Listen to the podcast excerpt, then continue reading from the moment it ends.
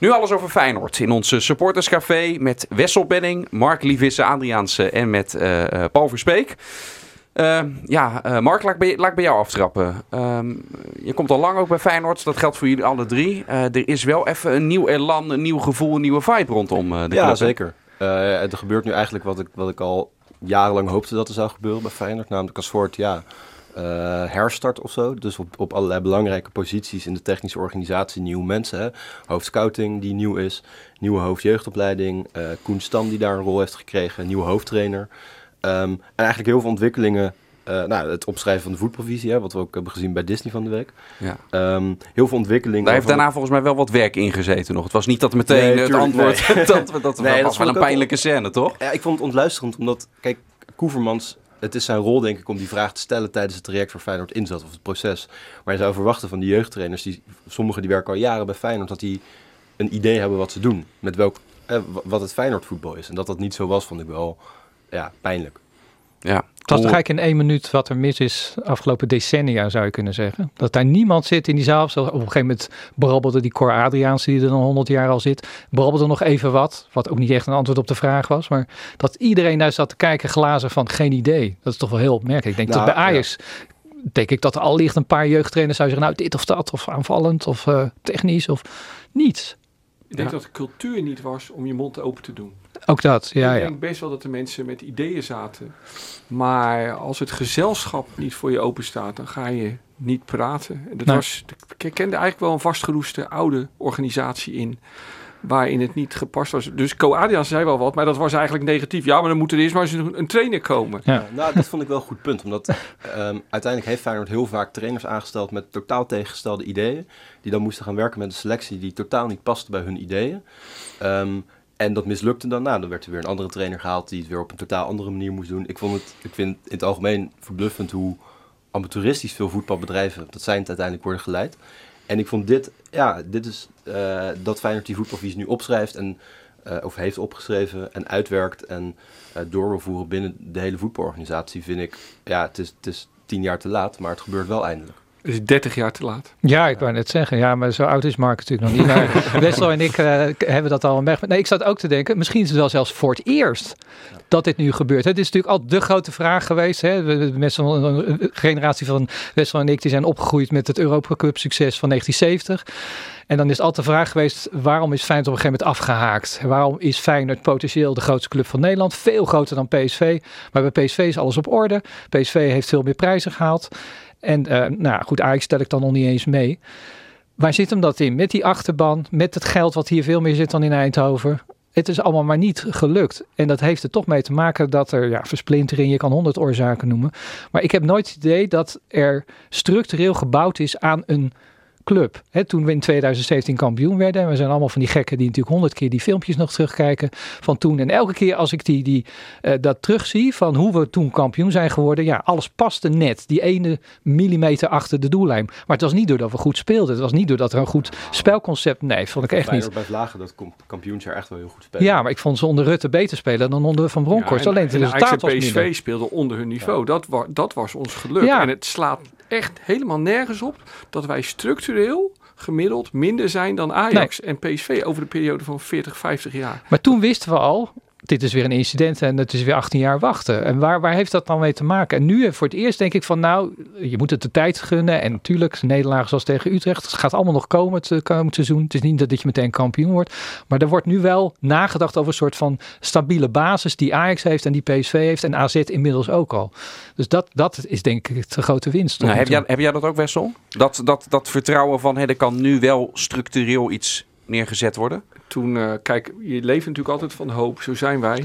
maar, maar toen, toen uh, echt als een geschenk uit de hemel Arne Slot werd aangesteld, die zag niemand aankomen. Toen dacht ik, oké, dit is een kans, dit is een kans. Maar nu moet hij tijd krijgen, nu moet hij tijd krijgen. En ik was heel erg bezorgd over de eerste nederlaag. Maar ja, Arne Slot heeft zichzelf nu, die, die tijd heeft hij gewoon met zijn eigen geld nu gekocht. Door, door in een maand tijd echt iets te laten zien wat we nou ja, misschien wel nooit hebben gezien. Attractief voetbal in de Kuip. Dominant voetbal in de Kuip. En daarom heb ik echt opeens hoop dat dit een, echt een kans wordt die we gaan krijgen. Ja, maar het begint ook met een blauwdruk op de achtergrond. Wat, wat, jij bij aanstipt, hè Mark, met die scène in, in de documentaire. Even voor de mensen die dat nog niet hebben gezien, en dat kan ik me voorstellen. Daarin staat algemeen directeur Mark Hoevermans met Frank Arnissen naast hem, de technisch directeur bij de jeugdopleiding. Uh, en dan, dan stelt natuurlijk openlijk de vraag, joh, uh, voor wat voor voetbal staan we ervoor? Wat is nou de voetbalidentiteit van Feyenoord? En dan blijft het muis en muis stil in die zaal. Dat wordt nu wel in ieder geval wordt dat op papier gezet. Er wordt aan gewerkt dat is misschien nog wel belangrijker dan wie er nu voor de groep staat, denk ik. Omdat uiteindelijk na slot komt er ook weer een andere trainer. En dan wil je iets hebben om op voor te borduren. Is dat, als ik het invul voor jou, vooral hetgeen wat dan vertrouwen geeft? Um, ja, maar met de toevoeging dat het uiteindelijk, dat het risico natuurlijk heel groot is. Dat als dit seizoen Feyenoord vijfde wordt of zesde, Um, dat je dan een backlash krijgt. En dat je dan mensen gaat krijgen, ook in de media, van analisten die gaan zeggen: zie je wel, het past niet bij Feyenoord. Um, uh, aanvallend voetbal kan Feyenoord helemaal niet spelen. Pressing past helemaal niet bij Feyenoord. Terwijl ik denk, Arne Slot is een soort synthese van het beste wat Feyenoord te bieden heeft. Namelijk hard werken en mooi voetbal. Um, dus eh, de kunst wordt om te zorgen dat dat fundament uiteindelijk Arne Slot overleeft. Dat het Arnezen, wiens contract na dit jaar afloopt, overleeft. Um, en dan heb je dus mensen nodig binnen de organisatie die die cultuur uitdragen. Nou, ik denk dat Koen Stams niemand zal worden. Um, Rini Kolen wellicht ook. Maar ja, die hebben ook op de, ja, op de Academy meer mensen nodig die uiteindelijk helemaal opgegroeid worden met dit idee. Uh, en het zal een paar jaar duren voordat er ja, jeugdspelers doorbreken die nu met deze ideeën worden opgeleid. Dus hier moet het denk ik tijd gunnen, maar dat betekent dus ook dat je als supporters geduld moet hebben. Dat je over een nederlaag tegen Elsborg en tegen Utrecht heen moet kijken. Misschien wel over een seizoen heen moet kijken. Misschien wel over twee seizoenen heen moet kijken. Um, maar dat er tegelijkertijd, uh, nou, dus dat betekent dat wij ook geduldig moeten zijn. Dat ook vanuit de media, denk ik, uh, ja, een bepaald geduld uh, nuttig daarvoor kan zijn. omdat die backlash bij Feyenoord heel sterk kan zijn. Hm. Ja, dan is je zorg dus ook wel dat nou ja, als Arnissen binnenkort weg is en als slot, ja, die moet je dan echt een paar jaar gunnen. Maar het mag natuurlijk niet van die twee mensen afhankelijk zijn. Dus dan moet, zij moeten de basis leggen waardoor anderen nu opstaan die voor de veel langere termijn zorgen voor structuur. Ja, wat ik een interessante club vind is Southampton. Die Aha. jarenlang uh, hele, heel succesvol zijn geweest met de trainers die ze aanstelden. Puur omdat zij gewoon scouts hadden die trainers scouten. Ja, ja. Het systeem dat Southampton wilde spelen. spelen. Nou, Arne Slot geldt dat ook voor. Er zijn ja.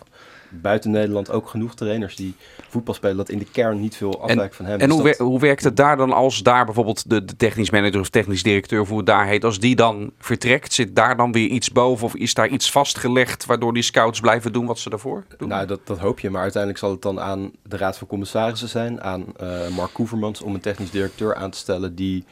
Uh, kijk, het, het, het nou, die, dat, die eigenlijk de, de, de visie van Arnezen uh, voortzet.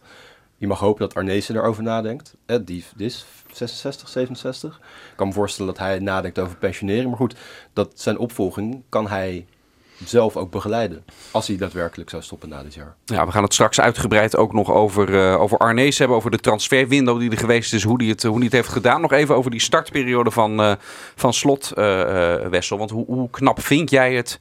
Ik ben, er zijn, laat ik wel vragen. Er zijn twee mensen, hebt bijna een soort twee kampen lijkt het te zijn. De ene die zegt, ja, die Conference League tegenstanders, het stelt allemaal niet zoveel voor. Utrecht was een serieuze test, daarbij is het misgegaan. Dus niet allemaal nu al de Polonaise lopen.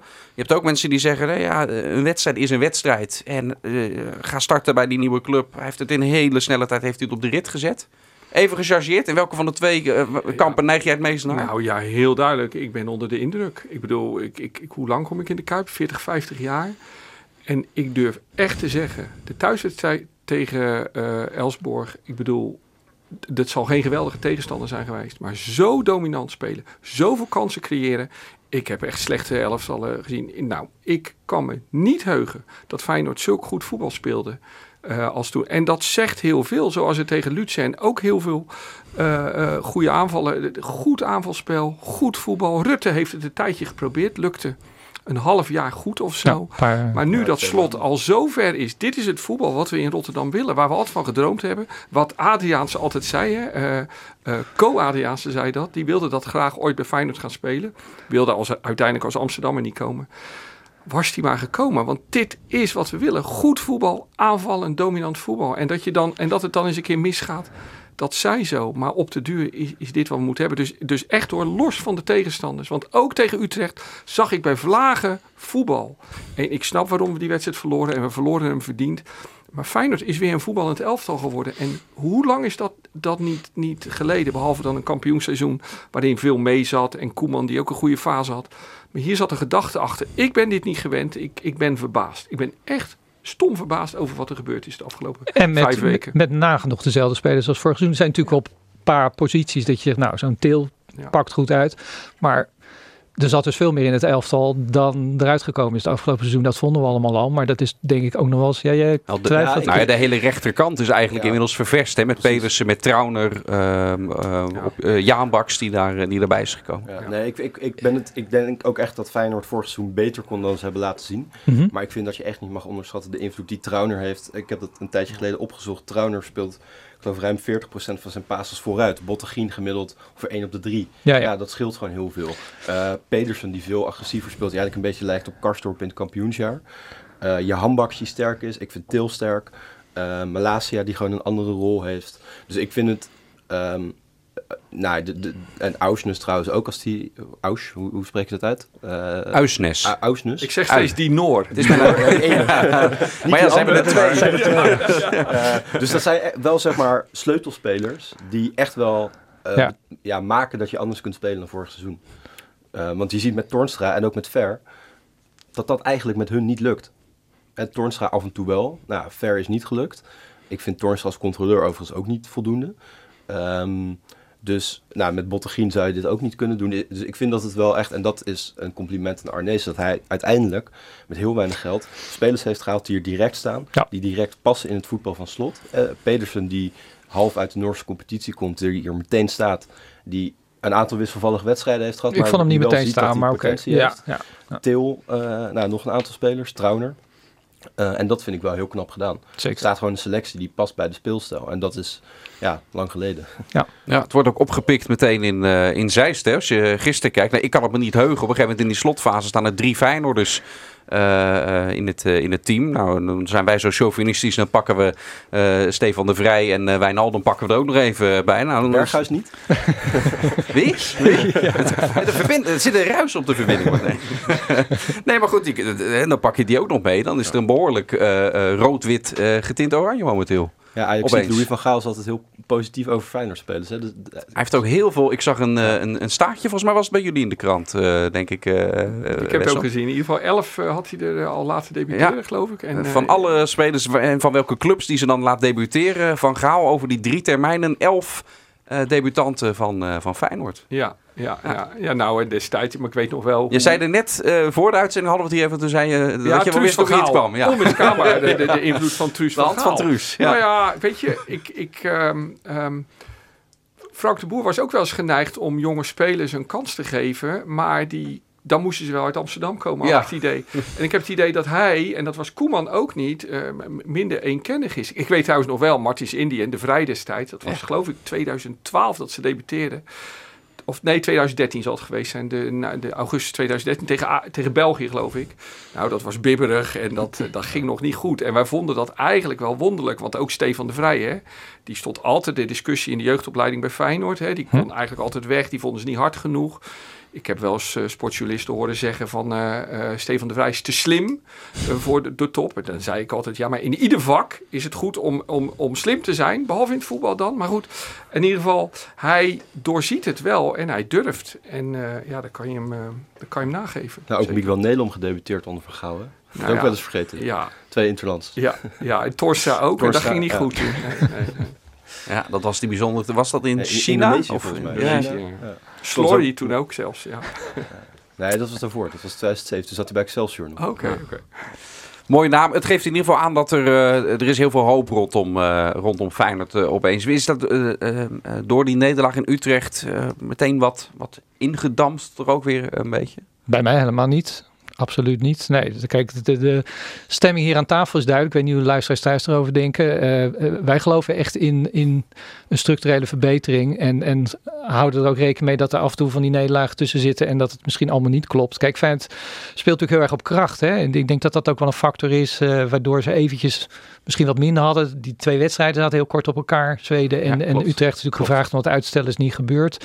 En die periode ertussen is gewoon te kort. Dat is gewoon wetenschappelijk aangetoond dat dat eigenlijk te is. Dus het is niet om naar excuses te zoeken, maar dat kan allemaal meespelen. Ik kan me ook voorstellen dat je met 5-0 op het veld staat, dat je denkt, moi. En dat is nou net niet wat bij die spelstijl past. Want dan moet je natuurlijk van meet af aan moet je gewoon weer, nou ja, daar weer hoog druk zetten enzovoort. Dus het is wel verklaarbaar, ook waardoor het in, in, in Zweden en in Utrecht denk ik wat, uh, wat minder ging. Um, ik vind het onwijs jammer dat ik niet naar, naar Feyenoord Heracles kan. dat, dat gevoel al, dat had ik vorig seizoen helemaal niet. Interesseerde me helemaal geen reet meer. Gewoon zin in de volgende wedstrijd Totaal niet ja. meer. Ik was hele andere dingen aan het doen. Dus ook wel eens nuttig. Maar ik bedoel, die, dat hele seizoen is echt gewoon... Het vorige seizoen is helemaal allemaal voorbij gegaan eigenlijk. Je mocht er niet bij zijn, maar op, op een paar e-, eerste wedstrijden na. Maar het, het, ik werd, nu word je wakker en dan denk je, Heracles, Utrecht uit. Nou, vorig seizoen, dan uh, hoorde ik soms zelfs van een ander, of dan zat ik op Twitter denk, oh ja, verdomd, over een uur Feyenoord. Nou, dat is toch krankzinnig, dat heb ik nooit gehad. Dus, dus dat alleen al is pure winst, eh, zou ik zeggen, dat je nu weer toeleeft naar de volgende wedstrijd. Herkennen jullie dat? Nou ja, ik had dat bij Feyenoord Go Ahead wel heel sterk. Dat ik dacht inderdaad van yes, lekker naar de Kuip. Nou, dat is lang geleden.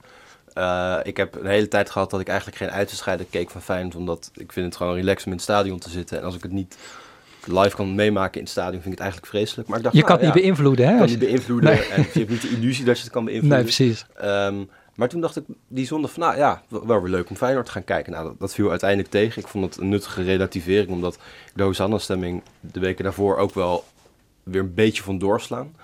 Het, het, het begon met, uh, met Drieten uit, wat dramatisch was. En toen was Feyenoord uh, vreselijk club en uh, het kon allemaal niks. Arne ja. Slot zie je wel. Plek 6 tot en met 8 geloof ik. Hè? Precies. Dat was, en dat twee was weken het later ja. zijn we kampioenskandidaat. Ja. Um, dus dat ik, valt eigenlijk wel mee, want het wordt vooral gezegd van, oh, uh, Feyenoord, het is volgens mij nergens heb ik het serieus nee, okay, voorbij niet, zien niet komen. serieus, maar wel Feyenoord werd beter gemaakt dan we daadwerkelijk waren, denk ik. Dus het was, uh, ik bedoel, het was goed, maar het was niet dat, dat ineens het lek totaal boven was.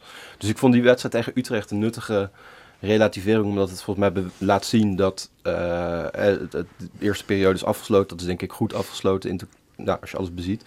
Um, maar goed, het is ook wel fragiel. En dat bleek bij Utrecht wel. Um, dus ik denk dat het wel heeft laten zien dat er nou, nog steeds wel breedte van de selectie is, is een probleem. Ja. Um, fitheid van spelers is een probleem. Of kan een probleem worden. Ja. De manier waarop Feyenoord misschien ook te bespelen is voor tegenstanders kan een probleem worden. Dus in die zin vond ik het ook wel nuttig om even terug op aarde te zijn.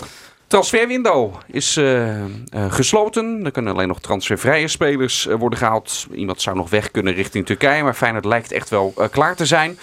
En dan is de vraag, ook als we kijken naar de breedte van de selectie. Ik stel hem open aan Paul Verspeek, Mark Lievisse, Adriaanse en Wessel Penning. Is dit Feyenoord ook in de breedte goed genoeg om het beter te doen, beter te eindigen dan vorig seizoen? Wessel? Ja, ik vind het wel leuk. Ik zit hier, we zitten hier bij Rijnmond, hè, vlakbij de Mulenpier. Mm -hmm. En ik weet nog, wat was het jaar van Garisteas? was 2007. Oh jee. Donderdagavond. Oh jee. Ja. Don ja. Donderdagavond. We waren aan het voetballen op de Mulenpier met wat collega's. Heerlijke avond. En op een gegeven moment zei iemand, we hoopten op een spits die avond. Het wordt Garisteas. En we dachten allemaal, maar ik zie erbij die erbij voelde. We dachten allemaal, nee, nee, nee, nee, dat kan Je neemt minder zeik. Nee, nee. En dat was dus zo. Ja. En ik moest even denken, toen ik de naam Cyril Dessus hoorde, dacht ik, nee, jong, dat, dat had, had dan niks gedaan. Maar nou zeg ik wel weer eerlijk, als dan die Cyril Dessus weer een leuke gast blijkt op Twitter en goede opmerking maakt, lekker nuchter, dan denk je, nou ja jongen, kom er ook maar bij. En, uh, maar dit is wel, en ik weet zeker dat Mark het niet met me eens is, dit is, meer, dit is het oude Feyenoord denken van oude supporters van, nou ja, oké, beter iets dan niets. Maar eigenlijk is dit een oude Martin van Geel, bord op schoot aankoop. Maar zal je net zien dat hij er dit seizoen 15 gaat maken. Dat hoop ik. Wessel, vult het voor je in? Ben je het met hem oneens? Nou, een, een, beetje wel. Omdat ik... Dit was ook mijn eerste uh, gevoel. Hè. Ik moest heel erg denken aan ook 2006 toen je die gerucht had met Wagner Love. Ja. John Karev. Uh, ja, ja. Echt grote namen in het Europees voetbal. en toen een kwart voor negen kwam die sms van Feyenoord. Met Feyenoord haalt Garisteas. Ook de naam van zijn club werd niet eens genoemd. Nee. Maar... Dus dat dacht ik in eerste instantie ook met Dessers. Maar als je naar zijn data kijkt, dat is best sterk. Ja. Uh, en het gekke is dat hij um, uh, de pech heeft gehad dat hij bij Genk eigenlijk weinig in het spel betrokken werd. Maar dat je ziet op het moment dat hij in een team speelt waar hij moet voetballen, waar hij druk moet zetten, dat hij gewoon best een goede spits lijkt te zijn. Um, nou, dat is eigenlijk de rol die hij bij Feyenoord zal hebben. Bij Genk speelt hij heel anders dan, of echt wel een andere rol dan hij nu zal hebben. Dus in die zin ben ik wel hoopvol dat ik denk, nou, ik, ik, in eerste instantie kon ik niet begrijpen waarom ze hem gehaald hebben. Na wat van die data bekeken te hebben, wat beelden, dacht ik van nou, ik kan er wel iets bij voorstellen als je eigenlijk niemand kan halen, dat je dan uiteindelijk bij hem uitkomt. We spraken, ik hem wel zelf, eh, we spraken hem zelf deze week ook trouwens. Eh, misschien wel aardig om even te luisteren. Want we legden hem ook voor van ja, hoe, hoe sta je er nou op dit moment voor? En dat je bij Genk niet zoveel eh, gespeeld eh, hebt. Even een minuutje Dessers. Ja, ik, ik denk dat ik op dit moment de beste Cyril Dessers ben ja, tot nu toe in mijn carrière. Ehm toen bij Herakles een fantastisch seizoen gehad. Maar ja, vorig jaar bij Genk, ja, dat is gewoon, gewoon echt een heel goede ploeg. eh, misschien wel van, van Champions League niveau. In de zin eh, dat ze vorig jaar ook Champions League hebben gespeeld, twee jaar Champions League hebben gespeeld. En ja, ik ben daar gewoon veel beter geworden. Eh, gewoon van met, met, met heel veel internationals te trainen, op hoog niveau te trainen, op hoog, op hoog niveau wedstrijden te spelen. Play-off 1 in België dan.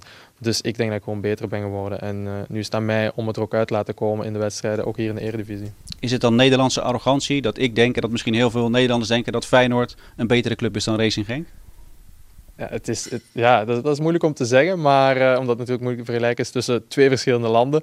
Maar ja, het staat vast dat Feyenoord gewoon een, een, een super grote club is. En ik liep hier eh, op het trainingscomplex door de gang en dan zie je staan UEFA Cups gewonnen, Europa Cup 1 gewonnen. Ja, ja dat is, er zijn niet heel veel clubs die dat kunnen zeggen natuurlijk. Dus eh, ik denk dat, dat, dat, je, dat je daar wel gelijk hebt misschien.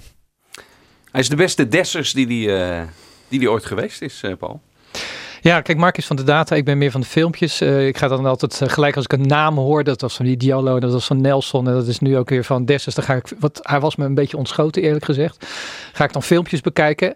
En toen dacht ik, die gozer kan best goed voetballen. En ik gooi mijn stokpaardje er maar weer in. Hij is tweebenig. Dat is een, een meest onderschatte fenomeen van de voetballerij in mijn ogen. Hij kan zowel met links als rechts heel erg goed schieten. Ehm, ik weet het niet. Hij kan er zomaar 20 inschieten. Ik, ik, ik sluit het helemaal niet uit. Ik vind hem eigenlijk helemaal heeft, hij niet nog zo nooit, slecht. heeft hij nog nooit gedaan, hè? zeg ik er wel. Bij Nee, hij heeft ook nog nooit bij Feyenoord gespeeld. Maar, maar, Ja. maar, maar kijk, met alle respect. Ehm, we zijn ook wel... We geven gauw, graag iemand het voordeel van... Dat, kijk, alles wat we hebben is hoop over het algemeen. Hè? En, eh, ehm, ehm, en, en dan komt zo iemand en denkt van... Nou ja, misschien valt het Ja. mee. Ik heb inderdaad eh, enig vertrouwen gehad... in veel en veel mindere spelers dan Cyril Dessus eh, een jaar of tien geleden. Maar... ehm, we, we, we hopen en we willen zo graag. Dus we zien nu de goede kanten. En we gaan het zien. Ik dacht ook, ja, tegen nek. Waarom zou hij er tegen nek niet gelijk twee kunnen maken? En dan kan het zomaar begonnen zijn natuurlijk. Nou, wat, wat voor mij wel een soort van brevet van vermogen is, dat Arne Slot hem blijkbaar heel graag wil- wilde hebben. Dus dan denk ik van, oké, dan als Arne Slot er iets in ziet, dan wil ik hem wel ook vertrouwen geven. Want dan, ja, ik vertrouw Slot wel eh, op dat vlak, zeg maar. Maar ja, goed, we kennen de lijstjes niet. Hè? Je weet niet eh, hoeveelste keus hij was. Nee, je hoorde Heerenveen, die hadden 15 spitsen geprobeerd, geloof ik. Feyenoord zal ook veel geprobeerd hebben. Eh, iedereen zoekt een spits in de laatste dagen. En Ja. dan eindig je uiteindelijk met... Nee, het zegt genoeg dat zijn naam pas eh, in de laatste week is zijn naam pas voor het eerst op tafel eh Hij was al in. Spanje, geloof ik, hè? Ja. Bij Leganas om daar te tekenen. En toen kwam Feyenoord op het laatste moment. Wat ik ook wel weer leuk vind, is een beetje een zijweggetje hoor. eh, dat hij ook zegt dat hem onmiddellijk opvalt zodra zijn naam wordt genoemd. En hij komt hier wat een grote club Feyenoord is. Dat is toch altijd aardig dat spelers die vanuit een ander land komen, dat opvalt. Ik kan, kan me herinneren met Roy Makar, die was toen bij Bayern München. Die zou naar PSV gaan. Nou, daar hoorde hij niks van. En toen was het, hij gaat misschien naar Feyenoord. Werd hij overstelpt door reacties. ja, ja, ja. Om even aan te geven hoeveel groter Feyenoord is dan PSV als je het hebt over achterban. En Dessers maakt dat nu ook weer mee dat het veel meer is dan dat hij in, eh, in Genk gewend is. Er zijn uiteindelijk 21 spelers zijn er eh, vertrokken nu bij Feyenoord. Acht zijn erbij gekomen. Til, Pedersen, eh, Marciano, de reservedoelman dan. Trauner, Jaan Baks, Uisnes, Dessers en dus Nelson. Ehm, vooral in de verdediging zijn er veel spelers eh, vertrokken. En zeker in die laatste dagen is Haps nog naar Venetia gegaan. Eh, Burger, eh, nou ja, die werd in ieder geval vaak in de verdediging dan gebruikt. Ver is vertrokken. Maar er is geen verdediger op het laatst bijgekomen. En dat is wat bij mij, als ik die acht namen zie, ik denk stuk voor stuk prima aanwinst heeft Arne, Arne is het goed gedaan. Alleen in die verdediging vind ik het wel heel, heel erg dun. Nou, Hendricks is erbij gekomen natuurlijk. Ja, Eh, er zijn een aantal jongens, iedereen kijkt naar die acht. Nou, dan heb je nog Bannes die erbij gekomen is. Hendricks, Milambo, Hartjes, Ja. Benita een beetje, Thijs Jansen. Dus dat is ook wel aanvulling van onderop, zeg maar. Ja, ik, ik ben met je eens dat er te weinig linksbenige verdedigers zijn. Maar goed, ik zie... rechtsbenig is het ook dun hoor. Nou, Geert Rijden komt natuurlijk terug. Ja, dan heb je er drie. Ehm, Denzel Hall komt terug. ja. Dus dan heb je er vier. Dus dat zie ik nog wel. En Ausnes zal vast ook centraal achterin kunnen. Dat kan ik me zo maar voorstellen. Nou, als dat zo is, dan zijn we er. Want daar zit ik steeds over na te denken. Wie van de middenvelders kan eventueel... Want je zal zien, en we hebben het over advocaat ook. Dan dacht je, die mag nu niet geblesseerd raken. Ja. En die raakte geblesseerd. Hadden we in het Champions League seizoen ook hè, met Botteguin van der Heijden. Eh, we, we Jurgensen. zijn tegen Manchester City gaan spelen met Michiel Kramer in de spits, jongens, hier thuis.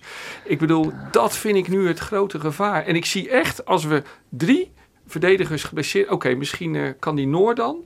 Maar verder zie ik Ja, het wordt, echt ja, niemand. Het wordt echt een groot probleem als zowel eh Malasia als Senesi geblesseerd zijn. Ehm, want Hendricks kun je op beide posities zetten, maar eh, wie dan? Nou, Geert Rijders zal vast ook op, op uh, linker centraal verdediger kunnen. Ja. En goed, die is ook nog niet fit. Nee. Dus het is inderdaad heel weinig. En dat vind ik wel dat je Arnees kunt verwijten. Dat er uiteindelijk een selectie staat die ik in de basis beter vind dan vorig seizoen. Er zijn veel meer... Ik vind Feyenoord, de, de basis is kwalitatief echt beter geworden. Het is doorgeselecteerd. Er is heel veel ja, eigenlijk door hout uh, verkocht. Uh, voor weinig geld, maar goed, dat moet dan maar. Uh, maar ik vind de basis van Feyenoord beter dan vorig jaar. Alleen inderdaad, ja, je hebt 13, 14, 15 echt Feyenoord eenwaardige spelers. En een aantal talenten wie je hoopt dat ze dat gaan worden. Uh, en dat is te weinig. Heeft hij uiteindelijk uh, goed genoeg uh, verkocht ook? Als je kijkt naar wat voor bedragen er zijn binnengekomen. We weten dat, bij, dat dat bij Feyenoord echt ook een thema is. Van door de jaren heen wordt er gewoon structureel voor te lage bedragen verkocht. En ook nu uh, zitten er natuurlijk geen echte klappers bij. Nee, Haps was een half miljoen en vier Ja, die is, gekocht. voor, die is voor, nee, die is voor zes en een half Zes en een half? gekocht van, uh, van AZ en nu voor een half uh, van de hand gedaan.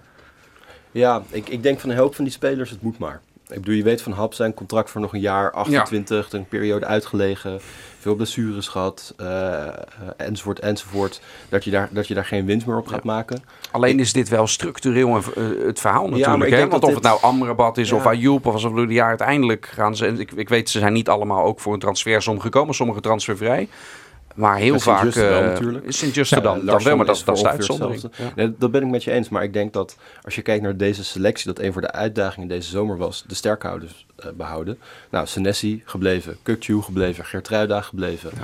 Malasia en Bijlo, nieuw contract, uh, Geertruida ook. En alleen uh, Steven Heuvelhut is uiteindelijk vertrokken.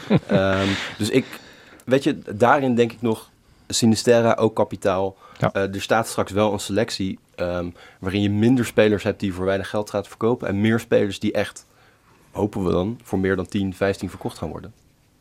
Ja, Mark, ik, ik ben het helemaal met je eens. Maar dit is wel, dit is wel een soort optimistisch realisme, wat altijd vanouds een beetje in ons zit. Um, ik denk dan altijd, oké, okay, laat Sinisterra zich vooral doorontwikkelen. Ik vind hem nu bij Verlagen een beetje te goed worden voor ja. de eredivisie. Hij had, hij had, tegen Utrecht op een gegeven moment een actie tussen drie man op links, in diep in de tweede helft.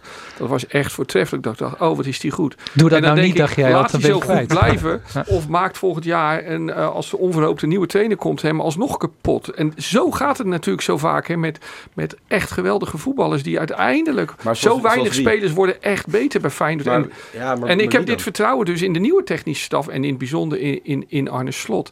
Dus dit moet lang gaan duren en dan gaan we waarde creëren op het geld. Ja, maar dan moet je ze op een gegeven moment wel ook een keer, moet je iemand wel daadwerkelijk toch verkopen. Jij, ja. jij, geeft nu het compliment en die snappen van... Hey, ze hebben Senesi uh, behouden, ze hebben uh, Sinisterra behouden. Maar uiteindelijk moet Feyenoord linksom of rechtsom... moet je ze ook een keer gewoon Senesi voor een klapper moet volgende zomer gewoon weg. Heel simpel. Ja. Hij heeft contract tot 24, 23?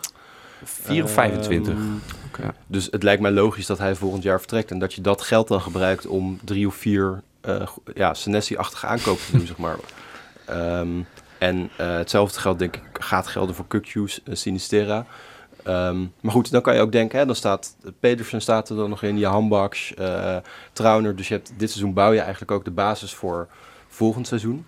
En met het geld dat die sterkhouders hopelijk gaan, gaan opbrengen, kan je dan weer spelers halen van een niveau dat we eigenlijk niet kennen. Want je zegt, ik bedoel, Ayoub is zo'n speler waarvan je kan denken, waarom lukt het nou niet met Feyenoord? Ja, hij is ook bij Panathinaikos bank zitten. Ja. Dus misschien was Ayoub gewoon niet zo'n goede speler. Amrabat, ander verhaal. Um, ja. Larsson, ja, China, met alle respect. Dus weet je, dat zijn ook spelers die Feyenoord haalde, waarvan we allemaal dachten op basis van Studio Sport, nou, die jongen kan wel wat. Ja, en uiteindelijk is hij gewoon niet goed genoeg. Nee, ik vind. Pedersen een hele interessante casus gaat het worden. Want dat is echt een hele interessante speler. De eerste wedstrijd dat ik hem zag op Varkenoord tegen AEK Athene. Ik dacht, ja, die gozer kan niet voetballen. Maar, en dat heb ik vaker gedacht in de wedstrijden daarna. Maar ik zie nu ook zijn grote kwaliteiten. En dat vind ik er nou typisch één. Die je straks opeens over één of twee jaar al voor heel veel geld kan verkopen. En dan moet je dat echt doen. Maar ik ben ook bang dat hij voor die tijd... eh, Arne Slot zal dat niet zijn. Maar bij Feyenoord moet je altijd bang zijn dat zo'n jongen voor die tijd in een crisis terechtkomt. En dan als vanzelf ten onder gaat. En uiteindelijk voor nou, drie ton eh, eh, terug naar Noorwegen gaat. Nee, ik maak me daar bij hem niet zo'n zorgen over. Ik vind hem geen eh, potentiële top. Maar ik denk wel dat hij onderkant Champions League zou kunnen halen. Dus een hele interessante... Toen hij voor het eerst genoemd werd bij Feyenoord... ging ik wat beelden van hem bekijken. En is eigenlijk één wedstrijd van vorig jaar... die heel veelzeggend is over hem. Hoffenheim-Molde, 2-2. Eh, twee doelpunten van Hoffenheim. Allebei omdat Pedersen veel te hoog staat, te laat terug is... en via zijn kant wordt gescoord. Maar allebei de doelpunten van Molde ook van hem. Of assists. Dus hij is... Ja, het is een... Je, je gaat gewoon... Je weet als je hem haalt dat hij een paar keer te laat gaat zijn. Maar dat hij ook aanvallend wel veel gaat brengen. Nou, dat, hij heeft nu zijn eerste assist gehad, geloof ik. Eh, Ja. Dat gaat meer worden, hoop ik. Eh, maar goed, met Trauner heb je wel iemand erachter staan... die dat ook weer kan opvangen. Even Ja, de fact-check maar- over eh Senesi. Die heeft tot eh, 2023 loopt zijn eh, moet contract. Die had voor, die had voor, eh, voor vijf seizoenen. Dus volgend jaar zou dan eigenlijk het, eh, het ideale moment eh, zijn. Wat wou je zeggen, Paul? Ja, dit- Trauner, daar heb je nog iemand die erachter staat, maar die kan ook niet zo hard lopen. En Senesi, die loop ik er nog wel uit. Weet je, dat is dan het probleem van dat centrum. Dat is natuurlijk heel traag. Ze zijn allebei goed en degelijk. En voetbalvermogen en verstand. Ehm, maar als je eh, aanvallend speelt, dan kun je, ja, je kan niet het speelveld heel lang laten, want dan krijg je weer gaten. Eh, laat je ze mee opschuiven, heb je er weer ruimte achter. En dan moet Pedersen, moet als een soort van gobbel 2.0, dat elke keer weer inlopen. Houdt hij dat vol? Want hij gaat mee naar voren, à maar hij moet ook steeds weer corrigeren dat die twee mannen achterin eh, de snelheid missen. En daar ben ik een beetje bang voor hoe dat zich Je gaat ziet dat je handbaks het ontwikkelen. ook wel doet, hè? Je handbaks valt eh, soms ook wel bij. Dus Ja. je staat soms Dat is Ja, essentieel zelfs. Ja. dan En. Sinisterra zie je het ook veel meer Ja. doen dan vorig, eh, vorig seizoen. Aan de linkerkant. Het meeverdedigen. Maar dat kost kracht. Ja. Maar wel een must. Ja, nee, En dit is, weet je, ik heb wel eens gedacht, ook gek genoeg, hè, met, eh, met het vertrek van Berghuis. Die, en, en hoe wrang het is, die wilde eigenlijk volgens mij altijd op deze manier spelen. En eh, dat gebeurde bij Feyenoord, dat lukte niet.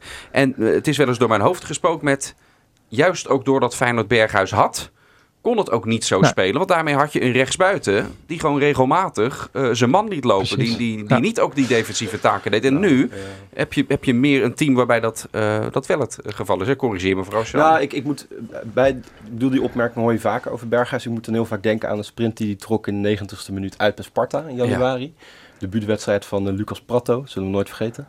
Ehm, waarbij hij ook in de 90ste minuut vanaf eigen 16 een sprint trekt naar eh, de 16 van Sparta. Volgens mij uiteindelijk een assist geeft op de 0-2 of zo. Dus hij deed het ook wel, maar minder structureel dan volgens mij je handbaks. Ja, maar als je één keer je man, maar als je het precies, één keer ja. niet doet, is het natuurlijk zeker in, de, in dit systeem Ja. is het dodelijk. Kijk bijvoorbeeld naar eh, die uitwedstrijd bij Herenveen toen dit echt een, een, een thema was.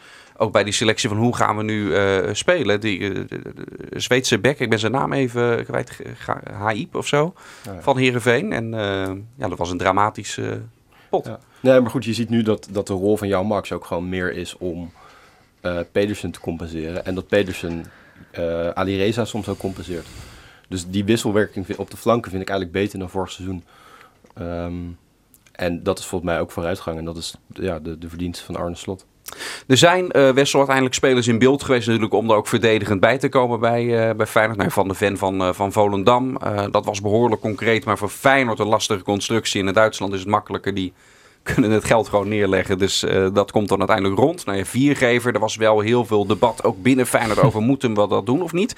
Uiteindelijk is er geen verdediger bijgekomen. Vind je dat dan uiteindelijk nog, nog verstandiger?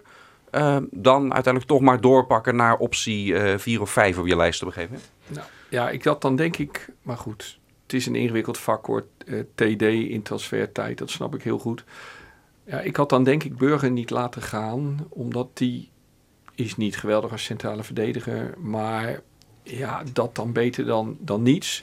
En dat dan ook misschien wel beter dan viergever, waar je dan ook nog zes ton voor had moeten betalen of zo, geloof ik, of drie ton. Nee, minder. Een, een, een ton of twee had dat dan geweest. Dan in zijn salaris zou waarschijnlijk Ja. in die contrat zijn. En meteen voor meerdere seizoenen. Dus dat vond ik ook allemaal niet zo interessant. Van de Ven had ik wel goed gevonden. Maar ik moet wel zeggen, dat lult iedereen elkaar maar na dat hij zo geweldig is bij Volendam. Ja. En dat is dan best wel veel geld, vond Ja. ik. 2 miljoen. En we zien allemaal Volendam zelden eh 90 minuten aan nou de bak, ja, eh, en dat is het zo. probleem. ja. De- maar het punt zit hem denk ik een beetje in, in wie we even heel snel allemaal lieten gaan. Want ik had gedacht, ja, had dan die zes ton van Haps, had die dan maar op zak gehouden. En dan had je gewoon, Haps kon ook nog achter Sinisterra komen. Eh, die kon als linksback, dus het Ja. gaf wat meer Maar mogelijkheden. daarna Ik heb- transfervrij weg anders. Hè? Dit was zijn laatste eh, contract. ja, maar dat had je dan misschien moeten doen. Want ik, ik, ik ben nu bang dat het echt punten gaat kosten. Maar- als het mee, ja. Maar misschien zit het eens een keer mee, hè, qua blessures. Maar het verhaal is dat Feyenoord het geld van Burger en Haps nodig had voor Nelson en Dessers, toch? Ja. Ja. Dus ja, doe het, als er geen spits was gekomen of geen buitenspeler, dan hadden we nu precies dezelfde discussie gehad. Maar dan schandalig dat er maar vier aanvallers zijn. Ja. Dus ja, ik, ik vind dat lastig. Kijk, wat ik lastig vind is dat eh, je voor linksback gewoon eigenlijk echt geen alternatief hebt. Je hebt Hendricks, onder 21 Candelaria Hartman, kruisbanden gescheurd Ja. allebei. Nou, dan zit je bij de onder 18, dan speelt een linksback die heel talentvol is, nu ook met Nederland onder 17 meedoet, maar die 1,50 meter is. Ehm, ja, dat, Ja. dat is echt veel te weinig. Dus dat, gaat denk, of dat kan denk ik wel echt een probleem gaan worden. Ehm, Mannen, als we het hebben over eh, Feyenoord en het perspectief en de lange termijn, eh, ontkom ik er niet aan om het over ehm, eh, het hoofdpijndossier te hebben, wat als een molensteen inmiddels om de nek van de club ook, ook hangt. Waarbij er ook gewoon een, een sleuteljaar is. Ik heb het natuurlijk over, over Feyenoord City. In het geheel wat we nu beschrijven, en wat er aan het veranderen is bij, bij de club. Hoe essentieel is het dat er daadwerkelijk, en het is eerder beloofd, maar in ieder geval daadwerkelijk nu een knoop dit jaar wordt doorgehakt. Want ook daarover ben ik, moet ik eerlijk zeggen, inmiddels wel een beetje sceptisch. Van ja, ik heb het al vaker gehoord van dit jaar is echt het jaar van het besluit. En het gebeurt vervolgens eh, niet. Wil je geloven dat ik veel meer met wedstrijden bezig ben dan Feyenoord City? Dat ik beroepsmatig hè, Ja. wel eens eh, daar wat mee moet doen. Maar daar helemaal niet... Nee, ik, dit eh, is echt iets wat ik een beetje vooruitgeschoven heb. Zoals dat bij dat hele project eh, kennelijk gebeurt. Zegt dat Maar niet ik- eigenlijk ook al een beetje voldoende, Paul? Dat jij als, als, als Zeker. Feyenoorder... Nee, maar eh, dat zegt ook iets. Tuurlijk, maar wat we hier zitten te schetsen over wat er structureel bij Feyenoord misgaat, dat zie je natuurlijk in het Feyenoord City dossier ook weerspiegeld. Het, onvermogen om beslissingen te nemen, te, te veel petten op, te veel verschillende clubjes die allemaal weer eigen belangen hebben. Eh, dat is het probleem. En als supporter, als eenvoudige supporter, denk ik, het zal wel, ik zie het wel. Eh, tegen die tijd dan ga ik wel eens kijken als het er wel of niet is. Maar en, en inderdaad, nou ja, wat je zegt, hè, de, de, de deadline ligt dan weer op, op 1 januari, maar die, die heeft al een paar keer eh, is die al verschoven. Ik ben er niet meer mee bezig. Gewoon echt helemaal niet meer. Nou, Leeft ik- dat bij ik- jullie ook zo? Ik herken wel een beetje dat ik een beetje afgestomd ben door... En ook het overzicht kwijt ben van waar staan we, wat, hoeveel levert het precies op. eh, en is dat dan met wel, onder welke voorwaarden. Ehm, kijk, de- uiteindelijk de bottom line voor mij als supporter is dat Feyenoord er beter van moet worden. En als dat daadwerkelijk het geval is, dan ben ik eventueel bereid om na te gaan denken over steun voor een nieuw stadion. Ehm, maar ja, ik moet zeggen dat, het, dat, dat ik ook vanuit de club en vanuit Feyenoord City de laatste jaren heel weinig pogingen zie om draagvlak onder supporters echt te creëren. En dat is wel zonde, want uiteindelijk, er zitten flinke aannames in, dat, eh, in, in de modellering over honderdduizenden rondleidingen per jaar, eh, succesvolle restaurants, een vol stadion, een bezettingsgraad, et cetera. Ehm, dat werkt alleen als supporters komen, willen. En als je die supporters eigenlijk al in het voortraject kwijtraakt, wat misschien een beetje dreigt te gebeuren, ehm, dan vind ik dat wel heel zorgelijk. Maar ja, weet je wat ik zei, ik ben een beetje afgestomd door de hele discussie. En Maar goed, dit legt wel ook een, een, een bommetje wat dat betreft onder de rest van het hele verhaal wat we dit uur natuurlijk eh, bespreken als, als dit misgaat. Waarom? Nou ja, als het de club niet oplevert wat ze hopen dat het, dat, het oplevert, dan raakt dat natuurlijk eh, indirect, maar ook direct, raakt dat wat je eh, kunt doen met je eerste elftal. En dus wat voor spelers er daarna komen. Want je kan wel een voetbalvisie hebben, maar als je niet meer de, de, Ja. de centen hebt om de spelers Maar te halen om de Feyenoord visie uit City ook zijn natuurlijk. Hè. Stel dat, dat, dat de aannames van Feyenoord City waarop het model gebouwd is uiteindelijk eh, ja, niet waarheid worden. Ja, Dan kan het ook een negatieve consequentie gaan hebben. nee, maar dat bedoel ik. Dat bedoel ik. Dus oké, ja, dus dat vind ik ook. eh, kijk, als je Senesi voor 25 miljoen betaalt, dan heb je ook een totaal andere discussie. Of verkoopt, dan heb je ook een Ja. hele andere discussie. Eh, ik vind Racing Genk, waar Dessus dan vandaan komt, een interessante club. Omdat het ook een club is die financieel helemaal niet zo heel sterk is. Maar die wel regelmatig voor 30, 40 miljoen in de zomer verkoopt. En die kopen dan 10 jonge talenten terug, waarvan een deel mislukt en een deel breekt door en verkoopt weer door. Dus ik denk uiteindelijk je sportieve visie, dat is de kern. Nou, en daar zien we Ja. nu eindelijk pro- eh, progressie. En een stadion vind ik uiteindelijk daar secundair voor. Ik kijk nog even naar, naar Wessel. We hebben uh, nog 2,5 minuut. Ik heb, in, nou ja, het ging over Feyenoord City. Ik heb jou niet meer gehoord. Dat kan een teken aan de wand zijn. Of, uh... Nou, ik ben het grotendeels wel eens. Um, um, we, we, we, we, vechten nu tegen... We, we, hebben het idee dat het wanbeleid van de afgelopen jaar op het transfergebied... dat dat nu, nu beter wordt. Hè. Het technische beleid van Feyenoord. Dat er echt eens visie is. Maar dat ontbreekt natuurlijk nog in alle andere geledingen. Ja. Dus ik ben ook altijd wel heel benieuwd wie, wie deze vernieuwing heeft ingezet. Want dan denk ik, is dat dan dezelfde die al jaren allerlei andere vernieuwing op het gebied van Feyenoord City, normale discussie met supporters, normale verstandhouding met het stadhuis tegenuit. Dat is het grote raadsel. Maar fijn, dat is ook het probleem natuurlijk van ons. En Feyenoord is eigenlijk altijd een grote black box. Maar we krijgen nu een beetje zicht op het technisch beleid. En ik geloof dat je daar grote stappen in kan maken. En ik geloof niet dat, dat er eerst een groot stadion moet komen voordat een club groot kan worden. Uh, nee, het moet een middel zijn en geen doel op zich. Juist, ja. ja, ja. Mannen, dank voor jullie, uh, voor jullie komst naar, uh, naar de studio. Het is even, het is cold turkey even zonder, zonder fijn. Niet alleen dit weekend, maar volgend weekend ook niet. Alleen die, die dinsdag in Israël opeens waar, waar niemand heen kan. Dus afkikverschijnselen? Nee, totaal niet. Ik vind nee? het altijd wel lekker zo'n weekend zonder oh. Feyenoord. Juist om af te kicken van Feyenoord. ja, ik, ik ben net terug van vakantie. Ik heb nog niks kunnen zien, behalve uh, wat voor samenvattingen. Dus ik had me er zo op verheugd. En dus het is voor mij geen cold turkey. Het is juist uh, een soort, nou ja, ik zal die termen niet gebruiken. Maar ik had me erop verheugd, laat ik het zo zeggen. ja, het, het zou volgens mij iets funzig zijn uh, welke kant je op Dat zegt meer over jou dan over mij. Ah, ja. Nou, dan is de cirkel weer helemaal rond. Mark, Paul, Wessel, dank voor jullie komst naar de studio. En zometeen in het volgende uur doen we dit gewoon nog eens dunnetjes over. dan gaat het alleen over de tweede club van, van Rotterdam. Niet meteen allemaal de, de radio uitzenden nu dat ik dit heb, heb gezegd. Want het gaat gewoon een hartstikke mooi uur worden over Sparta. Met Art Boslap, Peter van der Zwan en Rick Kraaienveld die hier zijn. En ook daar voldoende te bespreken rondom Sparta. Want het was nogal een roerig weekje waarin um, Sparta toch ook maar uh, weinig heeft weten te halen, ondanks de spelers die zijn uh, vertrokken. Henk van Stee trok het boetekleed aan. La uh, Manfred Laros deed dat vervolgens ook natuurlijk de algemeen directeur van, van Sparta, Hugo Borst. Die we deze week in FC Rijnmond hadden. Die, die dropte een bom en zei: stop maar gewoon met die, met die jeugdopleiding. Ga maar terug naar een budget van 3 ton. Nou. Voldoende over Sparta in het volgende uur hier op Radio Rijnmond om te bespreken. Tot zo.